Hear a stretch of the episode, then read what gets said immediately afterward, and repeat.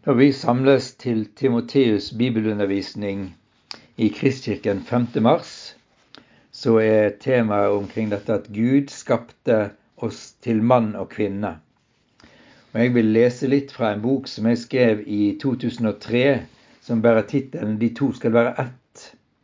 Den handler selvfølgelig da om mann og kvinne, om ekteskap.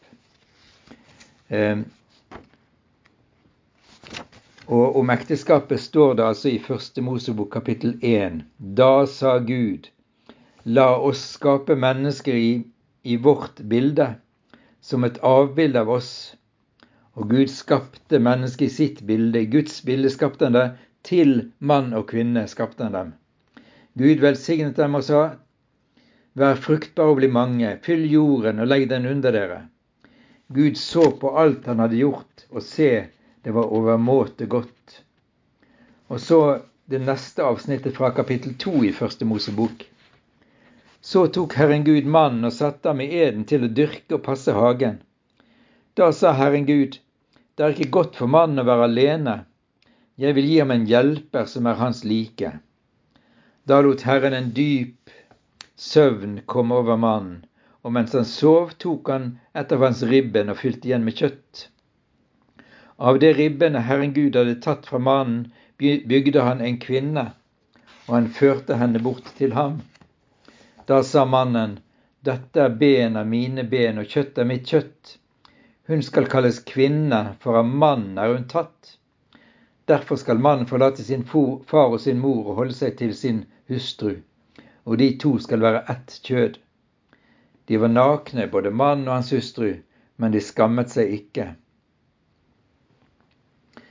Ekteskapet i Bibelen. Vi skal se på noen viktige begreper om ekteskapet i Det gamle og Det nye testamentet. Det greske ordet for å gifte seg er gameo. Vi finner det både i den greske oversettelsen av Det gamle testamentet og i Det nye testamentet. Og fra dette ordet har vi jo da gami. I Israels omverden var det slik. I greske myter er det tallrike eksempler på polygami og polyandri. Likevel dominerte monogamiet som ekteskapsform. Den romerske helt har én hustru, som var en god og trofast kvinne. På den annen side hadde mannen stor frihet med mulighet til å ha konkubiner og omgang med prostituerte. I romersk lov ble det sett strengt på kvinners utroskap. I helenistisk tid ble moralen rundt ekteskapet slappere. Prostitusjon florerte i byene, fremfor alt i Korint. Orientalsk kultus introduserte sakral prostitusjon. Seksuell forbindelse med tempelprestinner ble en del av kulten og ga løfter om delaktighet i det guddommelige. Det ble referert til som hiros gamos, sakralt ekteskap. Men her er det vi finner en helt annen forståelse i Bibelen om ekteskapet. La oss først se på Det gamle testamentet. Termene gamos og gameo, oversatt fra hebraisk mishte, finnes noen få ganger i Det gamle testamentet. I Første Mosebok kapittel 29 vers 22 og følgende, og i Ester kapittel 2 og, vers, og kapittel 9. Den gammeltestamentlige lov inneholder ikke forskrifter for formen på ekteskapsseremonier. Likevel Ekteskapet er uten tvil av stor viktighet. Både urhistorie, patriarkhistorie og Israels historie er familiehistorie. I genealogiene er ekteskap og barn de fremtredende trekk. Selv om polygamiet forekom, så er monogamiet den grunnleggende ekteskapsformen. Det gamle testamentets forfattere og lesere vet at det er forutsatt i Første Mosebok kapittel 1 og kapittel 2. En hensikt med ekteskapet er å få barn. Første Mosebok kapittel 28. Samtidig er kjærligheten og enheten mellom mann og kvinne understreket, slik vi har lest fra Første Mosebok kapittel 2 vers 18. Patriarkfortellingene og kjærlighetshistoriene i Gamletestamentet understreker også dette. Hor ses på som alvorlig og straffes hardt i Det gamle testamentet. I 5. Mosebok kapittel 22 ser vi straffeformene for ekteskapsbrudd eller hor. Eh, kapittel 23 vers 17 og følgende, så står det blant israelittene må det ikke være noen kvinne eller mann som driver tempelutukt. Og i kapittel 24 denne teksten brukte fariseerne da de ville sette Jesus på prøve angående skilsmisse, slik det er fortalt i Matteus kapittel 19. Når en mann har funnet noe hos sin hustru som byr ham imot, kan han skrive skilsmissebrev, står det. Hun er da fri til å gifte seg med en annen. Hvis også den nye ektemannen får uvilje mot henne og sender henne bort med skilsmissebrev, kan ikke den første ektemannen ta henne til sin, kone igjen etter, at hun er blitt uren, for det er en styggedom for Herren. I 2. Mosebok kapittel 20 og 5. Mosebok kapittel 5 leser vi budene. Bibelselskapets oversettelse sier du skal ikke bryte ekteskapet. Norsk bibel fra 1988 oversetter slik du skal ikke drive hor. Det hebraiske ordet for å bryte ekteskap, naap, kan i andre sammenhenger også stå for hor og ulovlig seksuell omgang generelt, slik vi leser i Jeremia kapittel 3 fra vers 3 og Esekiel kapittel 23 vers 37. Budet sier at enhver seksuell omgang mellom mennesker som ikke er gift med hverandre, er brudd på Guds vilje. I 2. Mosebok kapittel 20 vers 17 og 5. Mosebok kapittel 5 vers 21 så står det dette Du skal ikke begjære din nestes hustru. Og 3. Mosebok kapittel 18 Israels folk skal ikke gjøre som nabofolkene. Ingen må røre ved eller ha samleie med en kvinne en er i nær slekt med. Incest og homoseksualitet forbys. Det er en styggedom. Landet blir urent ved slike synder. Og I 3. Mosebok kapittel 20 leser vi igjen når en mann driver hor med en gift kvinne, skal de begge dø, både mann og kvinnen som har brutt ekteskapet. Begrunnelsen for alle disse budene er Jeg er Herren deres Gud, som har skilt dere ut fra de andre folkene. Dere skal være hellige for meg, for jeg, Herren, er hellig, og jeg har skilt dere ut fra de andre folkene for at dere skal høre meg til. Gud forbyr altså sitt folk å leve som hedningene på det seksuelle området. Guds folk er kalt til å være fundamentalt annerledes i seksuell praksis og samliv, jf. situasjonen i Korint slik det er fortalt i 1. Korinterbrev kapittel 5 og kapittel 6. Opprinnelig var skilsmisse bare tillatt for mannen, slik det sies i 5. Mosebok kapittel 24 og Jeremia kapittel 3 vers 8. I ettersis tid oppstod det store problemer med ekteskap, da den ene part ikke tilhørte Israels folk, og dermed Israels tro. Esra kapittel 9 og Nehemja kapittel 13. Når det finnes eksempler på blandede ekteskap, så er det viktig at den ikke-israelittiske part tar imot troen på Israels Gud, slik tilfellet var med Ruth. Se Ruths bok, og også første Mosebok kapittel 41-45 om Josef, andre Mosebok kapittel 2 om Moses, fjerde Mosebok kapittel 12 og dommene 14 og andre Samuel 11. Samuels store ulykke var at han giftet seg med mange kvinner som dyrket fremmede guder og ledet hans hjerte bort fra Herren. Første kongebok, kapittel 11. I Nehemja kapittel 13 leser vi Var det ikke på grunn av sine fremmede koner at Salomo, Israels konge, syndet? Blant de mange folkeslag fantes det ingen konge som han. Han var elsket av sin Gud, og det var Gud som satte han til konge over hele Israel. Likevel fikk de fremmede kvinnene lokket ham til å synde skal det nå sies om dere også at dere gjør den store synd og svike vår Gud ved å gifte dere med fremmede kvinner? Deltakelse i kananittisk fruktbarhetskultus var et angrep på både det bibelske ekteskap og på forhold til Gud. Profeten Sea fremstiller folkets frafall som utukt og ekteskapsbrudd i forholdet mellom Israel og Gud. Hosea kapittel 1 jf. Jeremia kapittel 2 og 25, Esekiel kapittel 16 og Jesaja kapittel 50. Det er Guds barmhjertighet som gjør at Gud tar Israel til nåde igjen som sin hustru, selv om loven påbød å sende bort en kvinne som drev hor. Det er vitnesbyrd om polygami i Israel også på nytestamentlig tid. Herodes den store hadde ti hustruer. Josefus forteller om polygami og konkubinat blant aristokratiet. Ordningen med at en yngre bror måtte overta en eldre brors enke, fortsatte, og det ledet til polygami. Essenerne de fordømte ekteskapet, ifølge historikeren Filo. Total avholdenhet ble forbundet med fullkommen hellighet. Likevel finnes det også vitnesbyrd om at seksualliv var tillatt, men selvsagt bare innenfor ekteskapet. Så til Det nye testamentet. I Det gamle testamentet og rabbinismen på Nytestamentets tid er ekteskapet en selvinnlysende institusjon, og derfor blir det tatt for gitt i Det nye testamentet.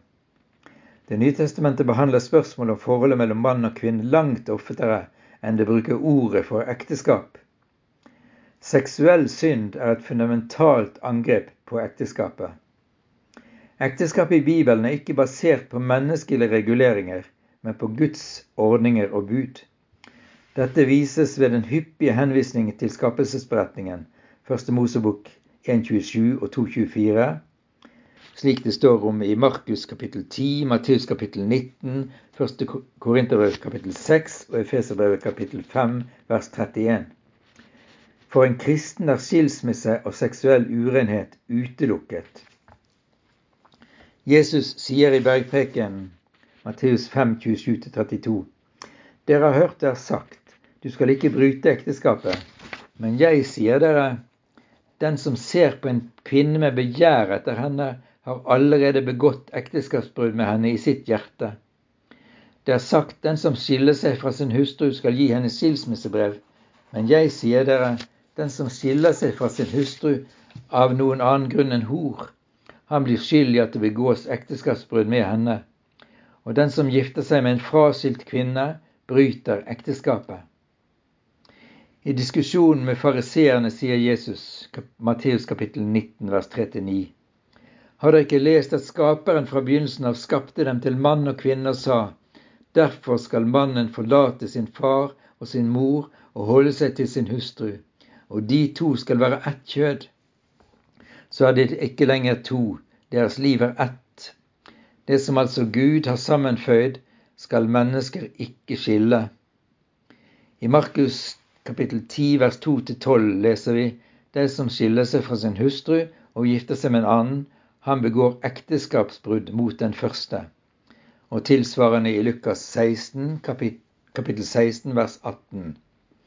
I 1. Korinterbrev kapittel 7, vers 10-16 skriver Paulus Til dem som er gift, har jeg dette påbudet, ikke fra meg selv, men fra Herren. En kvinne skal ikke skille fra seg fra sin mann, men hvis hun skiller seg, skal hun leve ugift, eller forlike seg med mannen, og en mann skal ikke skille seg fra sin kone.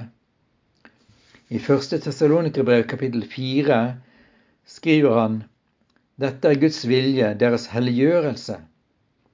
Dere skal holde dere borte fra hor, gresk porneia. Enhver skal vite å vinne sin egen hustru i hellighet og ære, ikke i sanselig begjær som hedningene. De kjenner jo ikke Gud. Og tilsvarende skriver han i 1. Timoteus brev kapittel 3 vers 2. Og så Hebrebrevet kapittel 13 vers 4. Ekteskapet, gresk gamos, skal holdes i ære av alle, og samlivet må ikke skitnes til. For Gud vil dømme dem som driver hor, gresk proneia, eller bryte ekteskapet. Og på gresk heter ekteskapet her moicheia.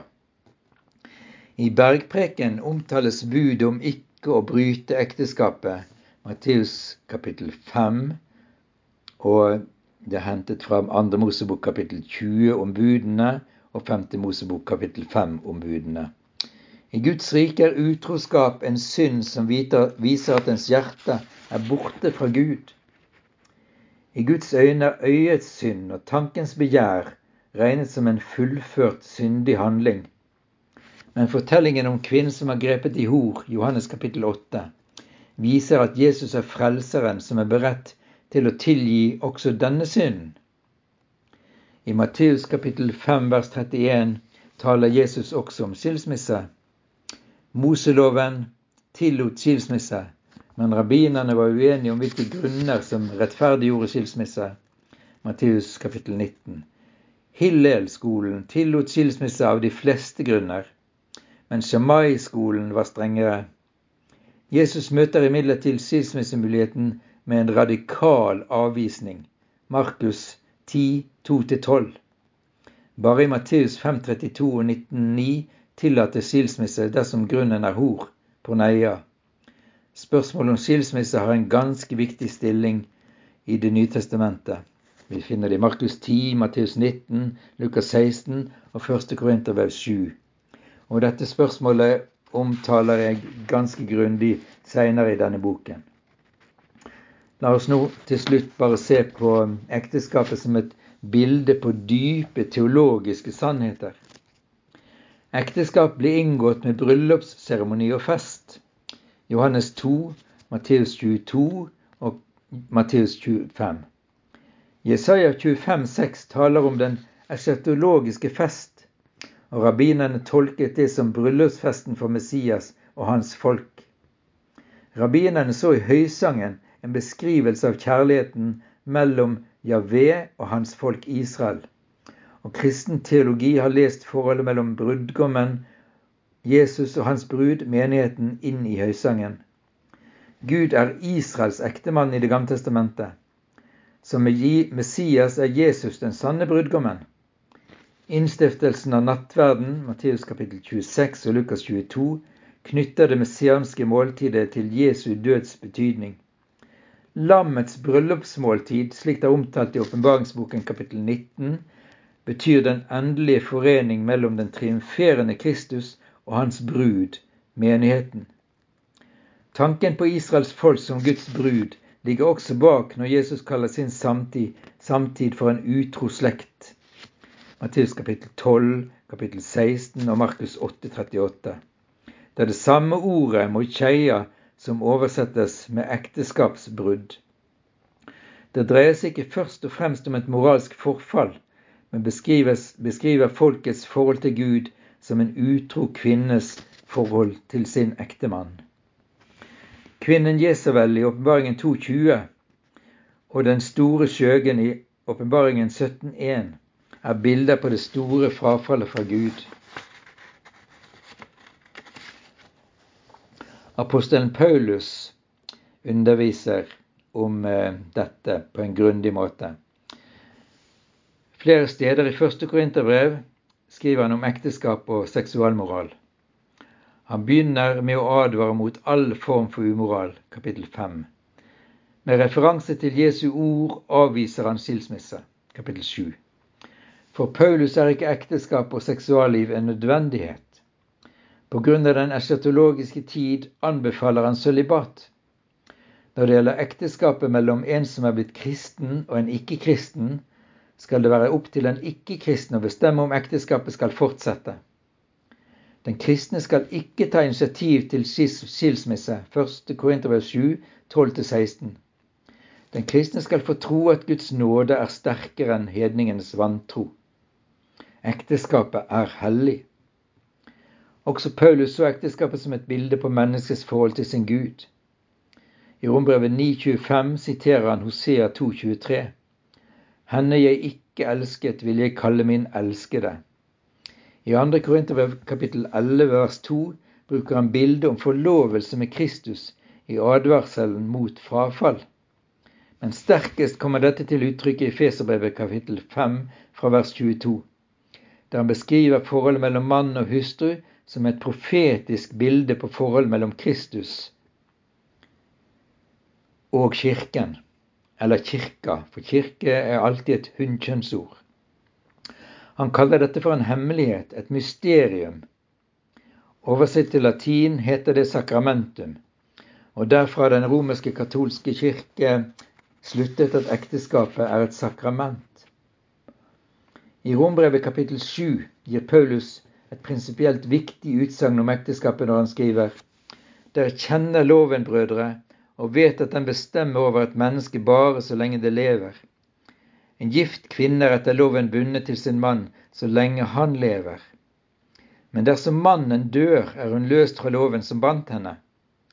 Så lenge mannen lever, gjelder hun som ekteskapsbryter hvis hun gifter seg med en annen. Men dersom mannen dør, er hun fri fra loven og bryter ikke ekteskapet om hun gifter seg med en annen.